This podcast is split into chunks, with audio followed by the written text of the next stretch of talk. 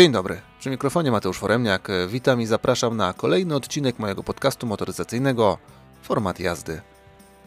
Prawie robi, jak wiemy, wielką różnicę. Według słownika języka polskiego prawie to partykuła komunikująca, iż to, o czym mowa, nie zostało osiągnięte i że niewiele brakuje, aby się urzeczywistniło. Dzisiaj opowiem Wam o samochodzie, który prawie jest świeży, prawie świetny, do tego jest w prawie sportowej konfiguracji. Jak wiele brakuje, aby był po prostu świeży, świetny i sportowy? Sprawdziłem, spędzając z nim tydzień. Zapraszam na test Hyundai i30 w wersji N-Line.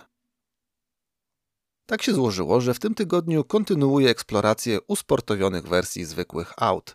Tydzień temu była to Skoda Fabia Monte Carlo, która w przeciwieństwie do dzisiejszego bohatera nie ma już nic nad sobą i w kontekście sportowych doznań jest szczytem możliwości dla potencjalnego klienta Skody. Chyba, że rzuci on okiem w stronę większych modeli czeskiego producenta, dzięki czemu będzie miał szansę doświadczyć emocji spod znaku RS. Spoglądając w stronę Hyundai'a, tym co najmocniej pobudza pewnie zdecydowaną większość potencjalnych klientów są modele z linii N. Wręcz dzikie, nawet pod pewnymi względami nieco nieokrzesane, cieszące się jednak zasłużonym szacunkiem i niemałym pożądaniem wśród fanów motoryzacji. Co poza świetnymi wrażeniami z jazdy oraz ponadprzeciętnymi osiągami wyróżnia je z tłumu, fakt, że linia N nie jest zarezerwowana wyłącznie dla topowych i najdroższych modeli koreańskiego producenta. Co za tym idzie, dostępne są sportowe wcielenia i dwudziestki, kony, a w Ameryce i Azji również elantry. Uzupełnieniem tej ekipy niezmiennie pozostaje też model, od którego to wszystko się zaczęło, a więc i30 do wyboru w wersji hatchback lub fastback. Chętnie w sumie pociągnąłbym wstęp dotyczący Enek, ale w gruncie rzeczy to bez sensu, bo nie o nich dzisiaj jest mowa. Ze względu na sentyment do nich dorzucę jeszcze dosłownie dwa zdania nawiązania. Tym bardziej, że ich historia ładnie łączy się z historią i 30. To właśnie ten model był pierwszym zrobionym na tę sportową modłę. Był rok 2016. Wchodziła wtedy jego trzecia generacja, a więc ta, która dostępna jest w salonach do dzisiaj – tak, i 30 to konstrukcja już siedmioletnia, choć po dwóch już liftingach. W dzisiejszych czasach, nastawionych na konsumpcję, ciągłe zasypywanie nas nowymi wersjami, nowymi modelami, nowymi pomysłami, jest to rozwiązanie wyjątkowe. Auta z podobną rynkową historią możemy zliczyć na palcach jednej ręki, choć wśród kompaktów z segmentu C nie jest ono aż tak niezwykłe. Podobną historię rynkową ma przecież jeden z bezpośrednich rywali 30 Renault Megane. Nie od początku Hyundai stawiał na aż tak długowieczne konstrukcje. I 30 w ofercie pojawiła się po raz pierwszy w 2007 roku, będąc jednym z modeli zwiastujących nową erę w dziejach koreańskiego producenta. Było to rozwinięcie wizji zaprezentowanej w 2006 roku pod nazwą Ariens Concept, mającej na celu powrót Hyundai'a po latach do rywalizacji w bardzo popularnym wtedy segmencie aut kompaktowych. Pierwotnie dostępny był jako pięciodrzwiowy hatchback oraz kombi, w dużej mierze dzieląc stylistyczne i konstrukcyjne pomysły z Kiją Ceed.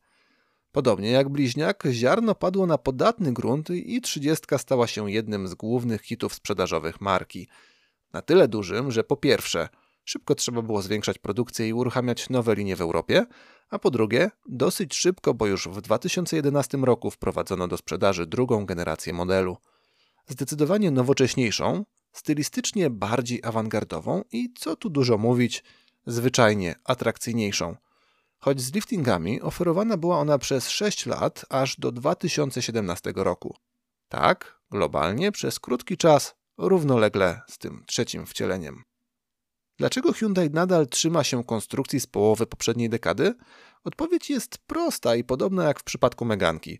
To zwyczajnie nadal jest fajnie wyglądający samochód. A skoro dobrze wygląda i wciąż je sprzedaje, to po co kombinować? Przynajmniej z zewnątrz jestem w stanie podpisać się pod takim postawieniem sprawy. W moje ręce trafił pięciodrzwiowy hatchback. Macie jednak możliwość skonfigurowania wersji N-Line w każdym wariancie nadwozia, również jako kombi, nazywane przez Hyundai dla niepoznaki wagon. Podobają mi się dynamiczne proporcje tego nadwozia.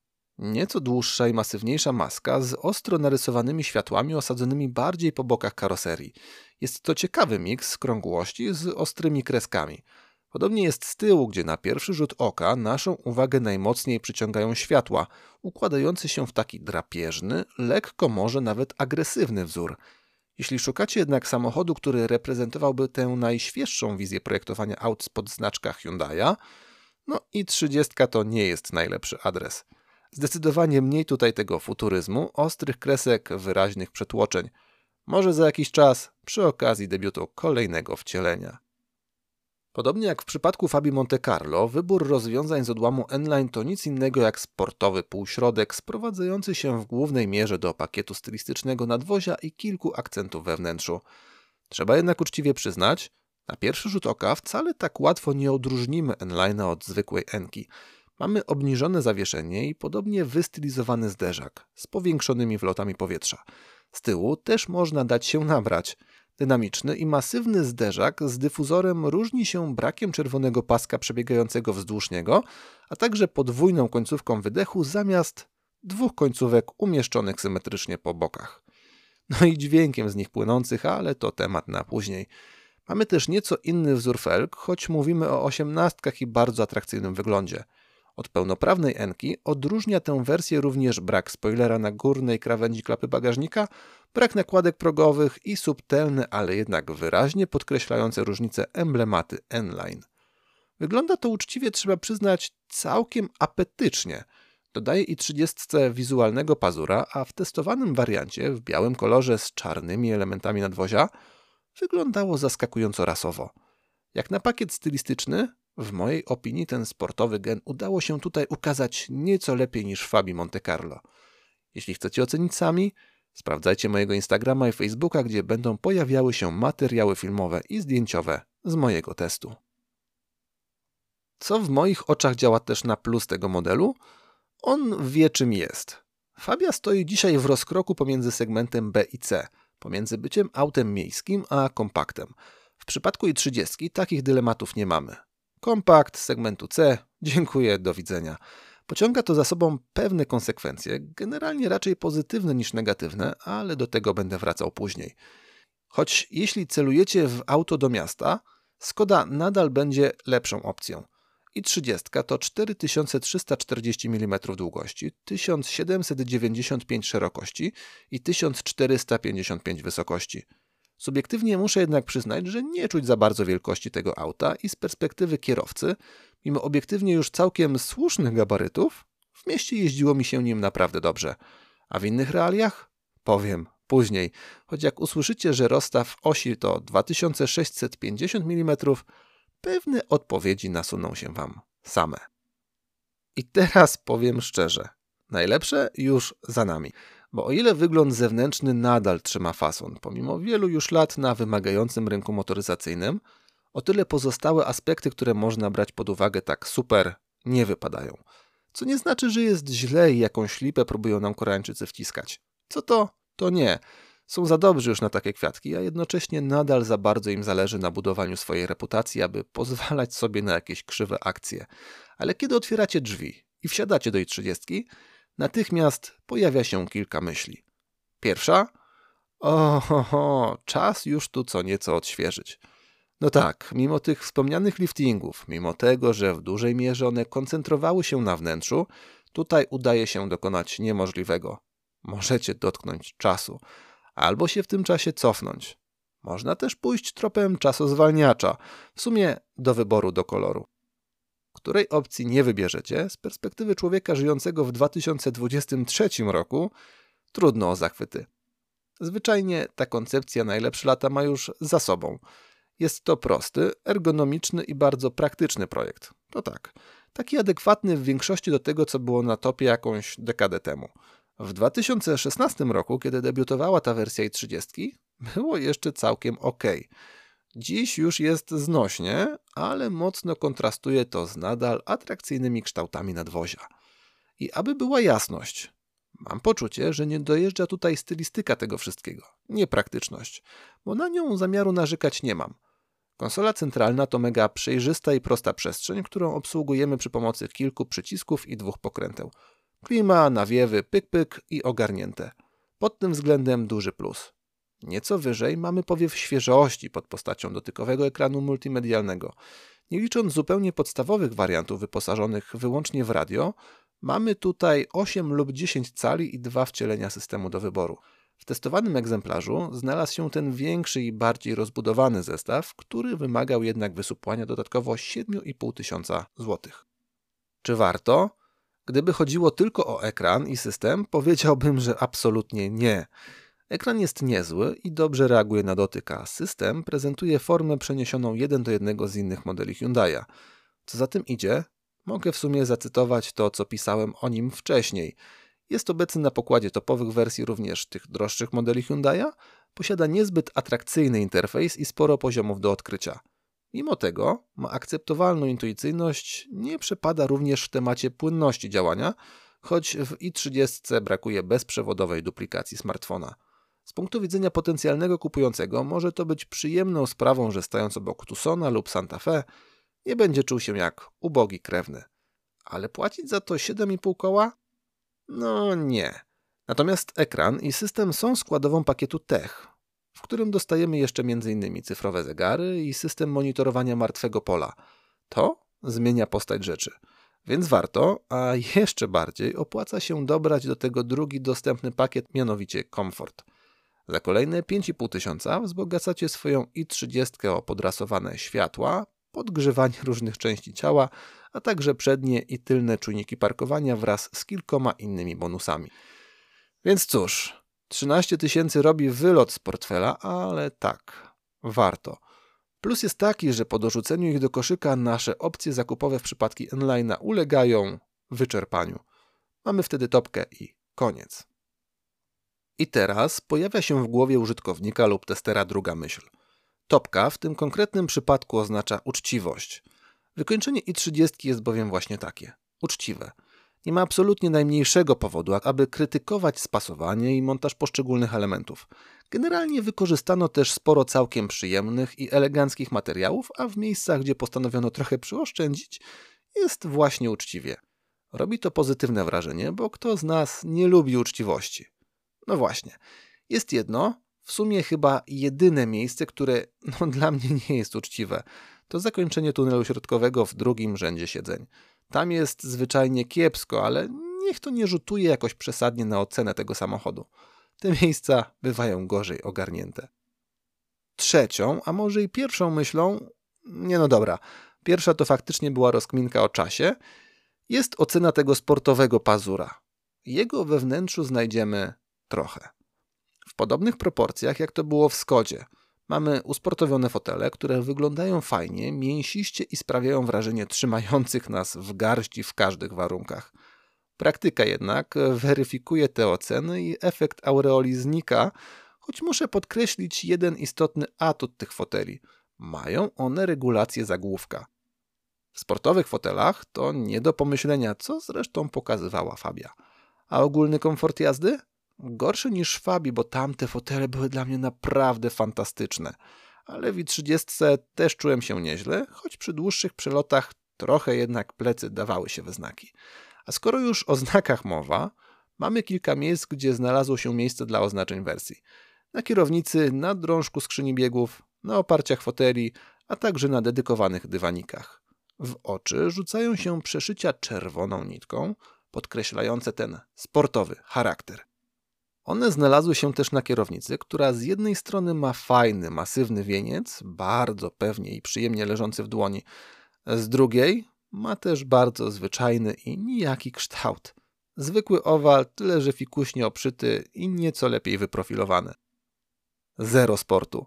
Wystarczyłoby tak niewiele, aby zahaczyć o efekt wow – tym bardziej, że w przypadku koreańskiego podrasowania ten klimat lekko poszedł też w kierunku zmian w zawieszeniu i układzie kierowniczym. To, za co Skoda kazała sobie płacić kilka stówek, Azjaci dorzucili w pakiecie. No, dla mnie tak to powinno wyglądać. Co za tym idzie? Jest nieco niżej, nieco sztywniej, nieco precyzyjniej. Te zmiany nie czynią nam z i30 ani rajdówki, ani drogowej tratwy, od której boli tyłek na pierwszym lepszym wyboju. W granicach rozsądku całkiem chętnie podąża też za naszymi oczekiwaniami w szybszych zakrętach, oferując też bardzo pewną podróż na szybszych trasach z wyższymi prędkościami.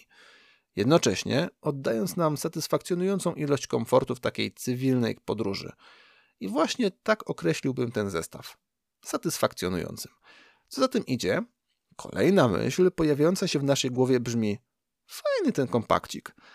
Z jednej strony popularność tego segmentu wyraźnie maleje z kilku powodów. Po pierwsze, popularności SUVów i crossoverów, a po drugie, mocno zbliżających się do nich pod każdym względem aut miejskich, czego świetnym przykładem jest zresztą Fabia. Z drugiej strony, wśród kompaktów mamy być może największy kłopot bogactwa w historii tego segmentu. Już nie tylko Golf, Golf, Golf. I trzydziestka miała walczyć o garść okruszków tego tortu dla siebie, a wywalczyła pokaźny kawałek, na który przeciętny pięciolatek może liczyć tylko przy okazji swoich urodzin. Ale jej argumenty ma w swojej garści mocne. I trzydziestka, nie pięciolatek chcący więcej słodyczy. No bo tak, na pokładzie mamy solidne wyposażenie. Szereg systemów asystujących, choć w tym akurat wcieleniu, być może z powodu wieku całej konstrukcji, nie aż tak idealne jak we wszystkich pozostałych modelach, które testowałem. Mamy świetną kamerę cofania, która daje radę nawet w nocy. Mamy kompaktowo komfortowe warunki podróży. Oczywiście nie ma tu mowy o przestrzeni rodem z Range Rovera, ale w kontekście wielkości i segmentu trudno na coś narzekać. Ani z przodu, ani z tyłu. Co prawda pokusiłbym się o nawiewy jakieś złącze USB z tyłu, no ale jakieś niedociągnięcia muszą być. Zawieszenie dosyć sztywne, co też jest wynikiem niewielkiego usportowienia, ale w połączeniu z bardzo wygodnymi fotelami dłuższe trasy i 30 znalazły się u mnie w rubryce przyjemne. Warto jednak brać pod uwagę niskie osadzenie tego samochodu, bo wsiadanie i wysiadanie już do tej rubryki się nie załapało. Wyciszenie ogólnie było dobre, nawet zaskakująco dobre, choć w moim teście wyraźnie dawały mi się we znaki opony, które od 120 km na godzinę ach, robiły naprawdę sporo hałasu. 18-calowe felgi i niski profil opony w połączeniu z zimowymi warunkami dawały taki właśnie efekt. Jeśli czegoś miałbym się czepiać, to bagażnika w wersjach z układem miękkiej hybrydy, takim jak w testowanym egzemplarzu. Dostajemy wtedy niezbyt imponujące 357 litrów w podstawie. Po złożeniu kanapy, dzielonej w proporcji 60 na 40, owszem, zyskujemy sporo miejsca, co przekłada się na 1263 litry.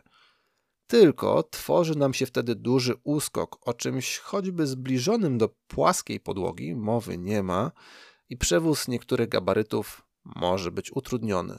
Do tego stosunkowo mały otwór ładunkowy i niemały próg załadunku.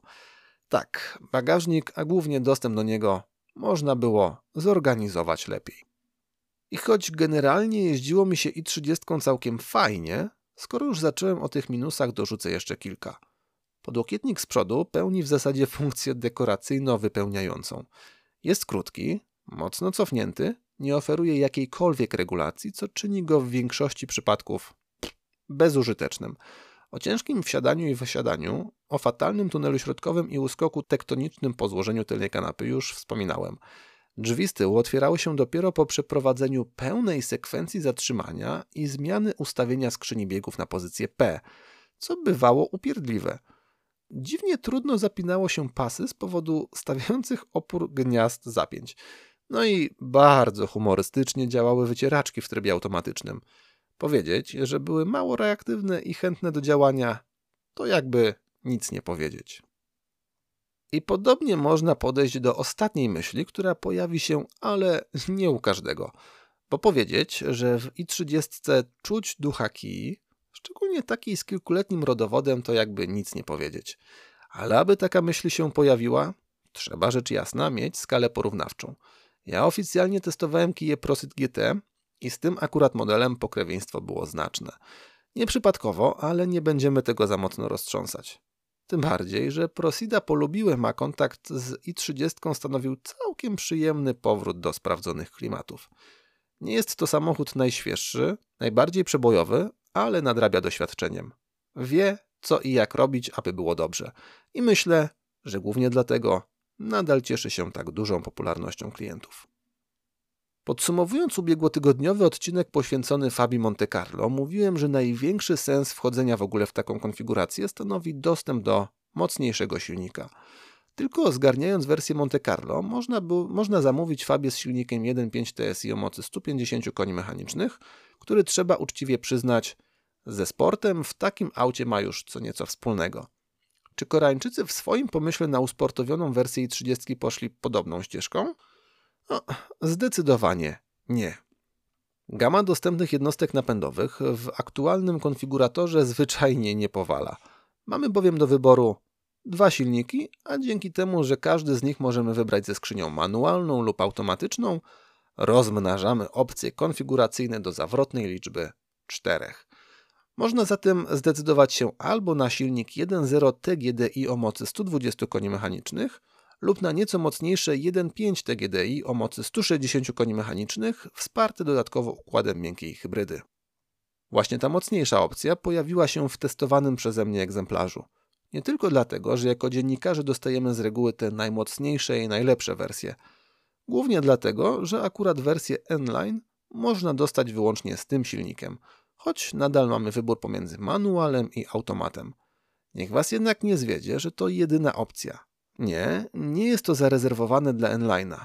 Nawet przysłowiowego Golasa możecie wybrać sobie właśnie z tym silnikiem.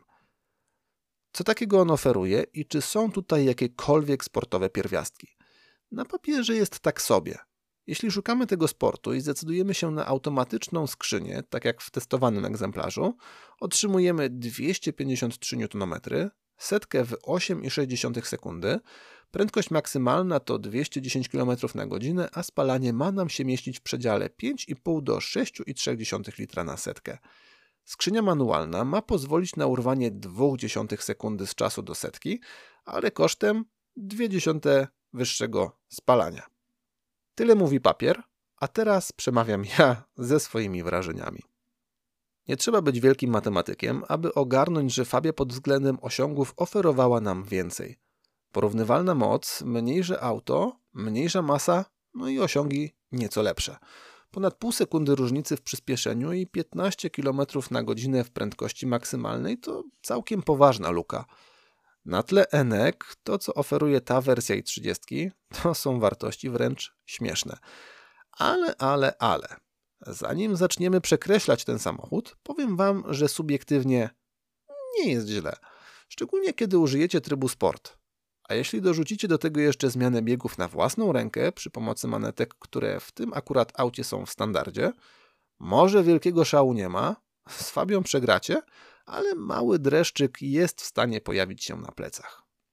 Największym problemem tego silnika jest przebieg krzywej mocy i momentu obrotowego. Mamy bardzo mocny dół, który zaczyna puchnąć mniej więcej od 80 km na godzinę. Dużo pary idzie w gwizdek, bo jeśli damy buta, i 30 bardzo ochoczo zrywa przyczepność przednich kół, z czym kompletnie nie radzi sobie system kontroli trakcji.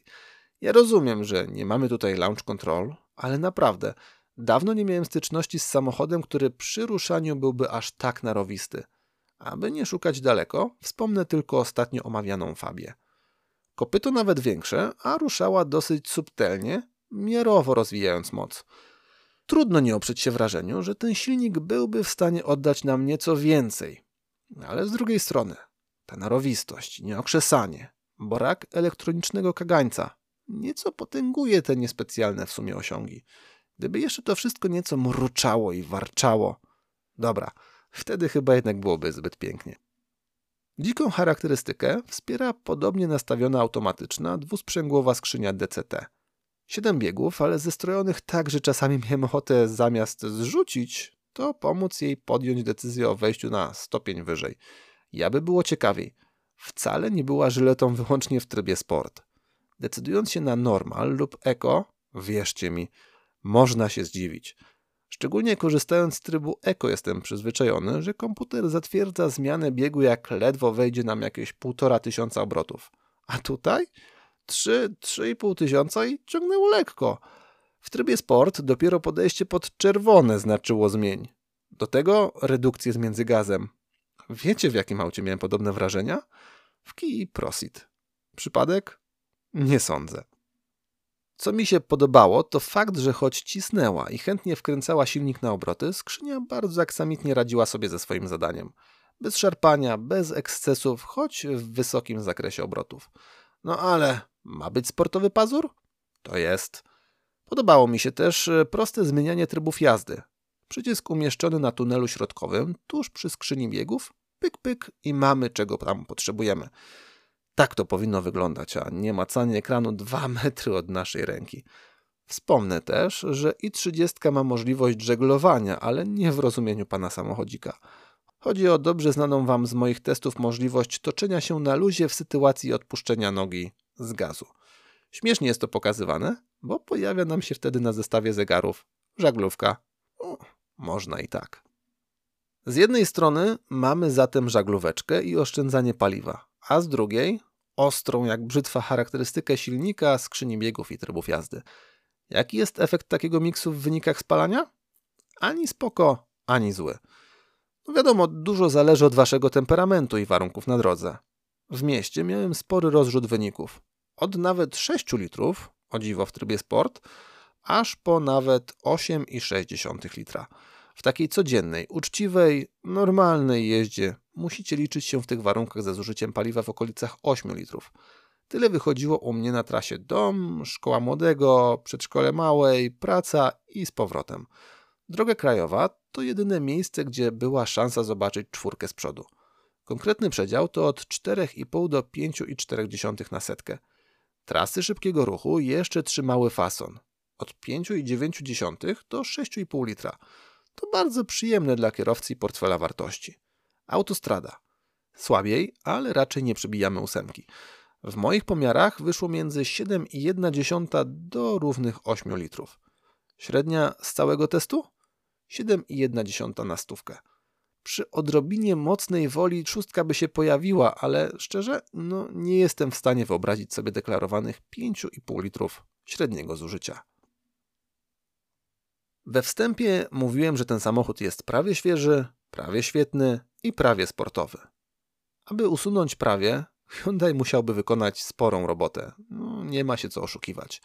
Ale kiedy myślę o tym samochodzie z perspektywy czasu, nasuwa mi się sportowe porównanie. I 30 jest doświadczonym zawodnikiem, będącym takim spoiwem młodej drużyny Hyundai'a i nadal wartościowym elementem biznesowej układanki, bo wciąż sprzedaje się więcej niż zadowalająco. Możemy się domyślać, że jego rynkowa kariera dobiegnie końca prędzej niż później. Ze sceny w tym wydaniu będzie schodził uznany ligowiec, który w szczycie formy ocierał się o coś więcej niż solidne przeciętniactwo. Dzisiaj właśnie taki poziom prezentuje ten samochód. Gdyby dopisać mu określenie klasik i sprzedawać za nieco mniej pieniędzy, no, dla mnie byłaby bomba. I 30 nadal jest jednak pełnoprawnym uczestnikiem rynku i pewnych rzeczy nie przeskoczy. Aby być świeżym, musiałaby mieć zupełnie przeprojektowany środek. Aby być świetnym, przydałoby się zrealizować poprzedni punkt oraz dorzucić lepsze zorganizowanie przestrzeni bagażowej. A sportowy pazur? N-Line to nadal jest NK, ale określiłbym ją mianem Nki duży minus. Wygląd i detale nawet nam się zgadzają, ale te walory faktycznie sportowe, a więc silnik, układ wydechowy i kierowniczy, to przepaść. Ale otrzymujemy sportową namiastkę zabite 70 tysięcy mniej niż w przypadku pełnowartościowej Enki. Ma to pewien sens, tym bardziej, że N-Line wcale nie jest na szczycie konfiguracyjnej i cenowej drabiny i30. Najtańsze wersje z silnikiem 1.0 można dostać już od 95 tysięcy złotych. Silnik 1.5, który znajduje się w N-Line'ach, wymaga wyłożenia przynajmniej 104 tysięcy. Topowe wersje Executive to 135 i 144 tysiące, a N-Line? Jeśli stawiamy na manual, to trzeba wyłożyć 123, a stawiając na automat 130 tysięcy złotych. Z pełnym doposażeniem, tak jak testowany egzemplarz, zamykamy się w kwocie rzędu 145 tysięcy złotych.